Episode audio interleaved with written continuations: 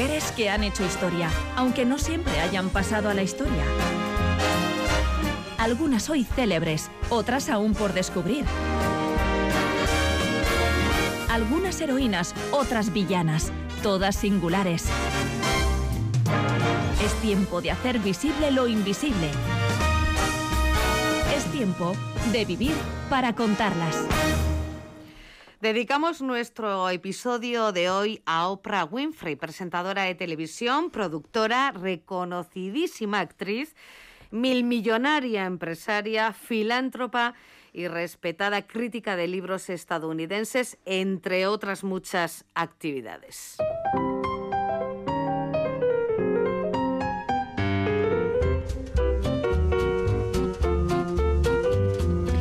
Edurne Vaz, ¿qué tal? Hola, muy bien. Estamos ante un verdadero peso pesado. Total, estamos ante, bueno, una auténtica diosa de la televisión y como veremos, una mujer poderosísima. Ha sido numerosas veces galardonada con el premio Emmy por El Show de Oprah Winfrey, el programa de entrevistas más visto en la historia de la televisión norteamericana, condecorada en 2013 con la Medalla Presidencial de la Libertad, que es el reconocimiento civil más importante de Estados Unidos. Oprah Winfrey está considerada, como decíamos, la mujer más influyente de Estados Unidos y una de las mujeres más poderosas del mundo. Pero, ¿cuál ha sido el azaroso camino que ha recorrido?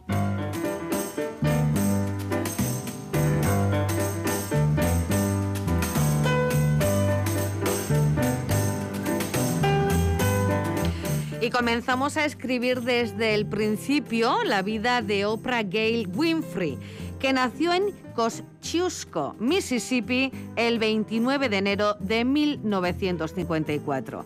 Hija de madre soltera y adolescente, durante sus primeros años de vida fue criada por su poco afectuosa abuela Hattie May quien siempre le insistía en que lo mejor que podía pasarle en la vida era dar con una buena familia blanca que pusiera comida en su plato y la tratara decentemente. Bueno, no era muy ambiciosa Hatimai porque pues la mujer tenía una experiencia nefasta, pero ella, Oprah, años después dijo, lamento que mi abuela no viviera para ver todos los blancos que ahora trabajan para mí.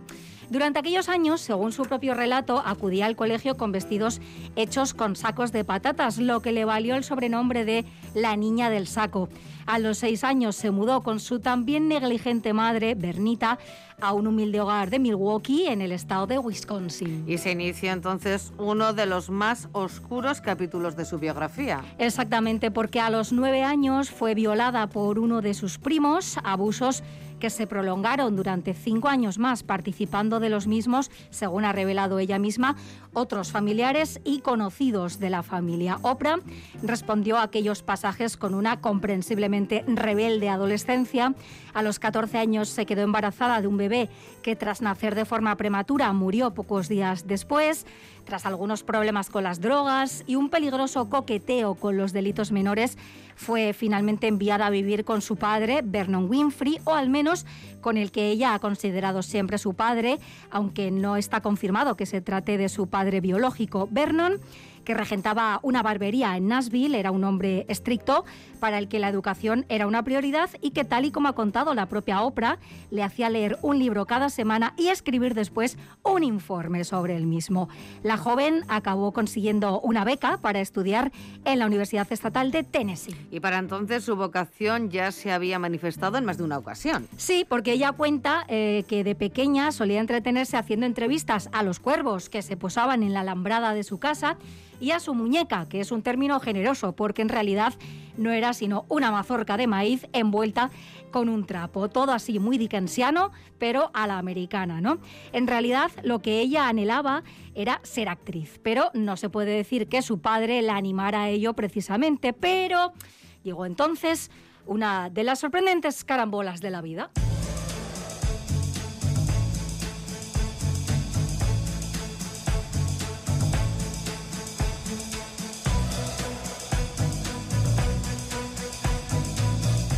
Mientras estudiaba en la universidad, Oprah Winfrey ganó un concurso de belleza, fíjense, el de Miss Prevención de Incendios. Me encanta. Para más señas, a mí también.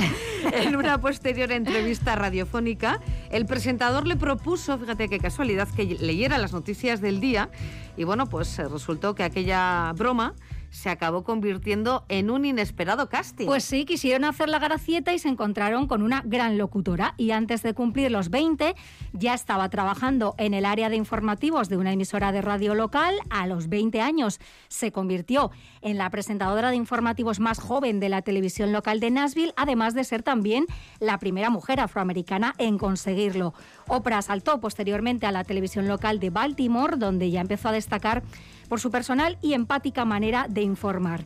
En 1983, la televisión local de Chicago propuso a Oprah presentar un programa de testimonios que en pocos meses llevó de la cola en las cifras de audiencias hasta la primera posición. El programa de Winfrey entonces se sindicó, que significa que pasó a emitirse en las cadenas locales de cada estado, o sea que dio el salto a la televisión nacional, y aquel fue el germen del que se convertiría en su hoy ya mítico programa, el show de Oprah Winfrey.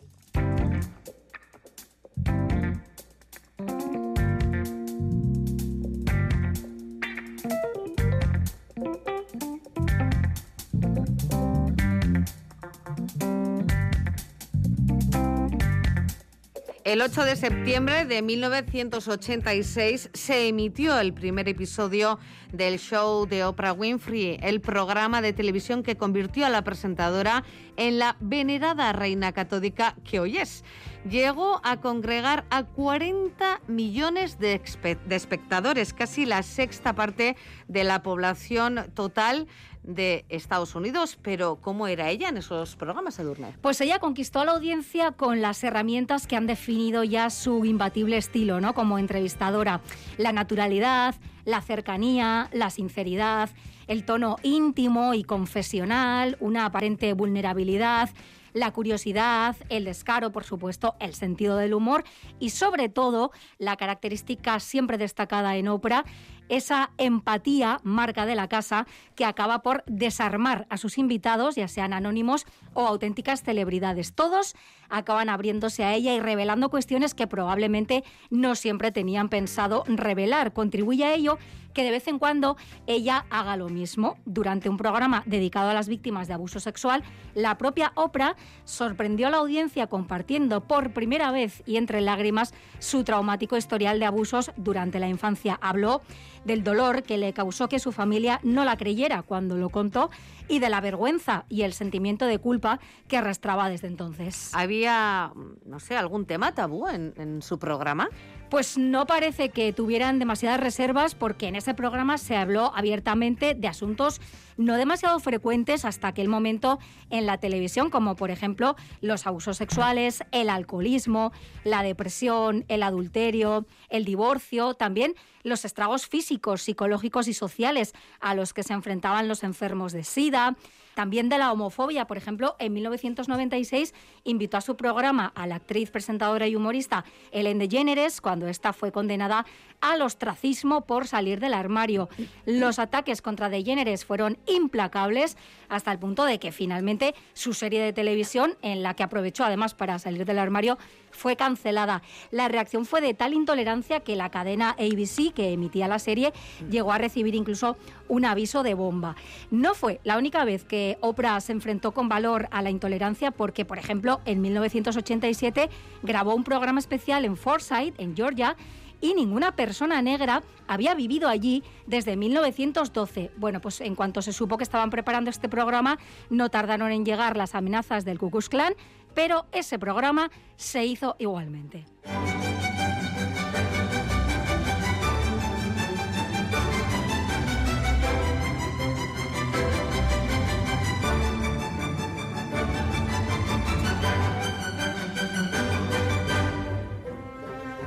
Y a mediados de los 90 empezó a imponerse la telebasura, alimentada, pues ya saben, con toda clase de asuntos escabrosos, peleas y morbosos desencuentros. Vamos, lo que ahora seguimos viendo cada tarde.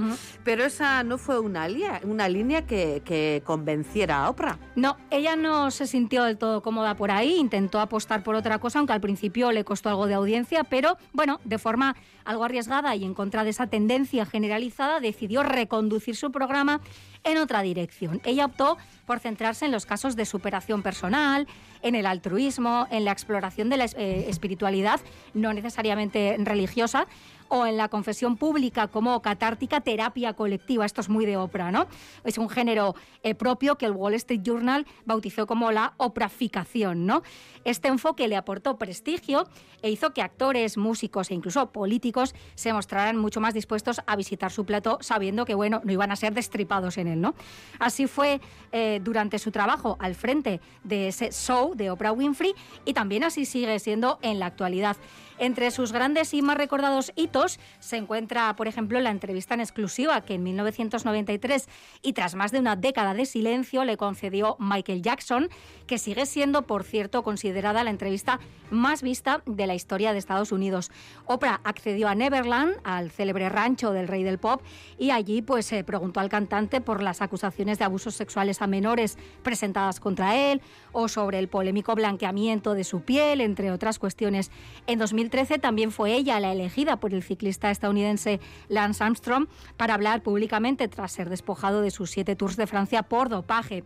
Aunque el más reciente y sonado hito ha sido la entrevista en exclusiva que Oprah hizo a los duques de Sussex, a Enrique de Inglaterra y su esposa, la actriz Meghan Markle, quienes rompieron su silencio un año después de haber abandonado su papel oficial dentro de la familia real británica y haberse trasladado a vivir primero a Canadá y después a Estados Unidos. Pero la colaboración no acaba ahí. Oprah y Enrique de Inglaterra han dado forma a una serie documental que lleva por título El yo que no puedes ver en la que se abordan cuestiones relacionadas con la salud mental. Sí, y al más puro estilo Oprah, ¿no? Como compartiendo allí sus propias intimidades, pues ellos han hablado de sus respectivos casos. El príncipe, por ejemplo, ha confesado que sufrió ataques de pánico, que recurrió al alcohol y a las drogas tras la muerte de su madre, Lady Di, que nunca contó con el apoyo de la familia real británica o que no se arrepiente de haber puesto tierra de por medio porque, dijo, llegó a temer por la vida de Meghan Markle. Pensó que le iba a pasar lo mismo que a su madre. Durante los 25 años que permaneció en antena, el show de Oprah Winfrey se mantuvo como el programa de entrevistas número uno de la televisión estadounidense y, como no, le llovieron los reconocimientos, incluidos numerosos premios Emmy. Oprah, una mujer con gran visión empresarial, tuvo además la habilidad de fundar tempranamente su propia productora, Harpo Productions, y de convertirse en la propietaria de su exitoso programa de televisión. A través de su empresa ha dado forma también a programas de radio, películas, su propio canal de televisión, su propia página web o, por supuesto, su propia y conocida revista.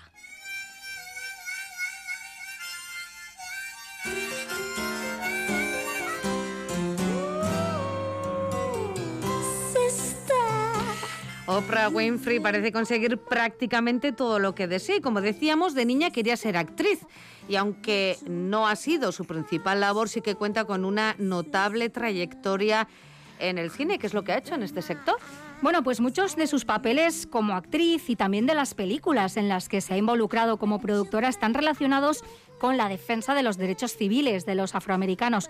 Un ejemplo paradigmático fue su debut en la gran pantalla en 1985 interpretando a Sofía en la ya mítica película El color púrpura, dirigida por Steven Spielberg y basada en la novela de Alice Walker.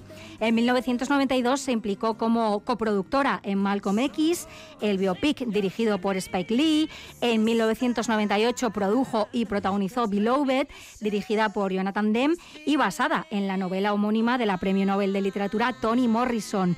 En 2013 interpretó a Gloria en la película El mayordomo, que está basada en hechos reales, dirigida por Lee Daniels y coprotagonizada por Forrest Whitaker, que da vida a Cecil, un hombre que nació esclavo y acabó siendo mayordomo en la Casa Blanca durante tres décadas con varias familias presidenciales. Y, por citar otro de los más recientes ejemplos, en 2014 produjo y coprotagonizó Selma, película ambientada en 1965, cuando Martin Luther King capitaneó la histórica marcha desde Selma hasta Montgomery, en el estado de Alabama.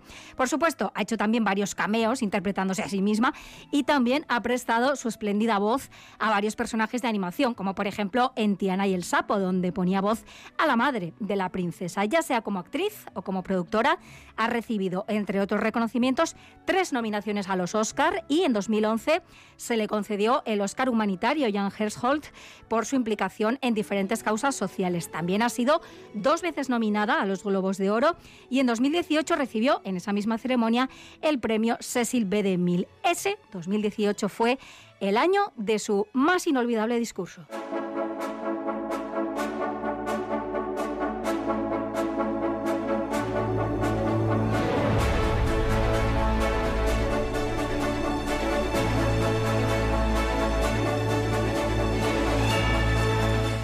Oprah Winfrey es una de las más notables activistas del movimiento Me Too, surgido en 2017 contra el acoso sexual. En la ceremonia de los Globos de Oro de 2018, cuando recogió este premio, pronunció un discurso que ha pasado a la historia. ¿Cómo fue? ¿Qué dijo? Bueno, pues como la brillante oradora que es, con su voz firme y poderosa, con su extraordinario manejo de los tiempos y de la modulación de la voz, puso al auditorio en pie con una intervención que sigue emocionando por muchas veces que la veas. La tenéis en YouTube, está también subtitulada y es eh, un ejemplo perfecto de perfecta oratoria. ¿no? no se limitó a agradecer su premio, cosa que por supuesto también hizo, pero aprovechó para hablar de racismo, de violencia sexual, de discriminación y de las personas que a lo largo de la historia han alzado su voz contra las injusticias. Quiero expresar esta noche, dijo, por ejemplo, mi gratitud hacia todas las mujeres que han soportado años de abuso y asaltos porque, como mi madre, tenían hijos que alimentar, facturas que pagar o sueños que perseguir. Quiero que todas las jóvenes que me están viendo en este momento, añadió también, por ejemplo, sepan que hay un nuevo día en el horizonte y cuando ese nuevo día finalmente comience será porque muchas de esas magníficas mujeres y algunos hombres fenomenales están peleando duro para convertirse en los líderes que nos lleven al tiempo en el que nunca nadie tenga que decir de nuevo yo también, ¿no? Ese Me Too. Fue tal la reacción popular a ese discurso, tanto allí mismo en la gala como después en redes sociales, que muchos quisieron ver en ese nuevo horizonte del que ella habló la posibilidad de que Oprah se presentara a las elecciones presidenciales de 2020. Pero ella lo ha descartado, eso sí, de momento. Sí. Sí que se ha aplicado personalmente en un gran número de causas, algunas de las cuales, como vamos a ver, han llegado incluso a materializarse en cambios legislativos. Sí, por citar solo algunos ejemplos, ha financiado organizaciones que promueven la educación, la cultura o la ayuda en situaciones de emergencia provocadas por desastres naturales como el huracán Katrina, contexto en el que recaudó más de 10 millones de dólares para la reconstrucción de viviendas. Ha abierto también una famosa escuela de liderazgo para niñas en Sudáfrica, se lo pidió Mandela y ella lo hizo. Ha creado el premio Usa tu vida, que otorga 100.000 dólares a personas que hayan ayudado a otras a mejorar sus vidas. Y bueno, a ella no le hace falta entrar en política porque tiene más influencia que el propio presidente de Estados Unidos.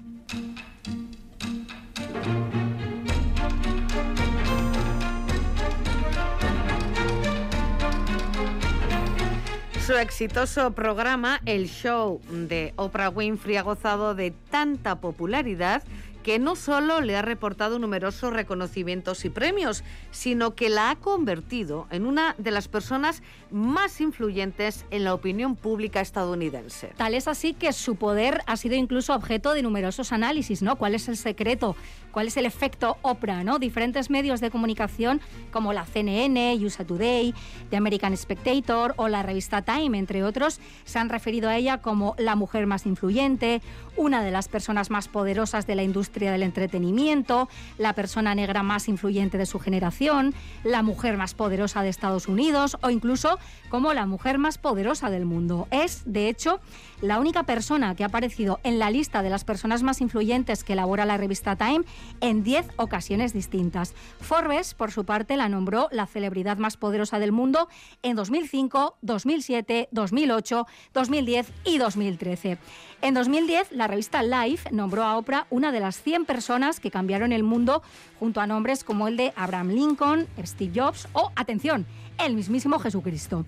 Está considerada la persona negra más adinerada del siglo XX, la primera mujer negra mil millonaria y entre 2004 y 2006 fue la única persona mil millonaria negra del mundo. Pero también fue la primera persona negra en figurar en la lista de los 50 americanos más generosos. Se estima que ha donado más de 400 millones de dólares a causas sociales. Bueno, de hecho, hasta el presidente Barack Obama afirmó que puede ser la mujer más influyente del país. Sí sabía bien Barack Obama lo que le debía porque de hecho en 2008 el respaldo de Oprah resultó crucial para que Obama derrotara a Hillary Clinton en las elecciones primarias. Se estima que su apoyo le reportó al futuro presidente en torno a un millón de votos que garantizaron su candidatura. Mucho antes, en 1991, llevó a cabo una campaña para la creación de una base de datos con los nombres de todas las personas que en el país hubieran sido condenadas por abusar sexualmente de menores y este proyecto acabó transformándose en una ley nacional de protección infantil bautizada como Ley de Oprah que se materializó en 1993, en este caso bajo el mandato de Bill Clinton. Más allá de la política, Winfrey ha utilizado su enorme influencia para, por ejemplo, fomentar el hábito de la lectura entre su numeroso público. En el año 96 fundó en el seno de su propio programa de televisión el Club de Lectura de Oprah. En él elegía libros que le habían encantado, generalmente escritos por mujeres, y dedicaba todo un programa a hablar con sus autoras y con las lectoras allí presentes. ¿no? no había escenario mejor para alguien que hubiera escrito un libro que el programa de Oprah. Para que os hagáis una idea del efecto, cuando la canción de Salomón de Tony Morrison fue recomendado por Oprah, el incremento en las ventas fue mayor que cuando la propia Tony Morrison recibió el Premio Nobel de Literatura.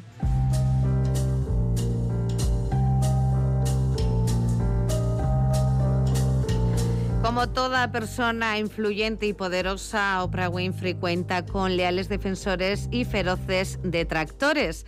Entre quienes no dibujan un retrato demasiado favorecedor de la presentadora está, por ejemplo, Kitty Keeley, autora de las biografías no autorizadas de personajes como Frank Sinatra, Jackie Kennedy, Nancy Reagan, la familia real británica, la familia Bush o la propia Winfrey. Sí, en este libro que Kelly escribió sobre Oprah, eh, la describe como una persona fría, calculadora y manipuladora, además de acusar a la popular presentadora de haber mentido o como mínimo exagerado en lo tocante a algunos episodios de su vida con el fin de ganarse la compasión y el afecto del público. También se ha acusado a Oprah de difundir un pernicioso enfoque del pensamiento positivo que con frecuencia acaba convirtiéndose en pensamiento mágico.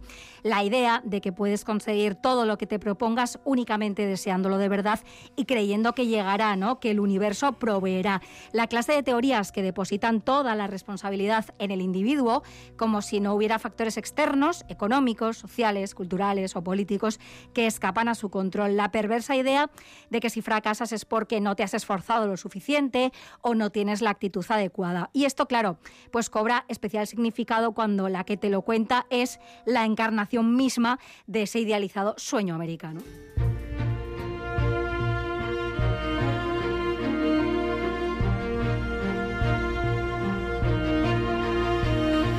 Estamos ante una mujer fascinante que a sus 68 años y con una fortuna estimada en más de 2.000 millones de euros afirma tener solo tres buenos y viejos amigos. Según sus propias palabras, todo el mundo quiere montar contigo en la limusina, pero lo importante es tener a alguien que tome el autobús contigo cuando la limusina se rompe. La clave, afirma ella, es rodearse de quien esté tan feliz por tu felicidad como tú por su felicidad. Y suponemos que esto incluye al escritor y empresario Stedman Graham, que es un hombre muy discreto con el que Oprah comparte su vida desde hace más de tres décadas.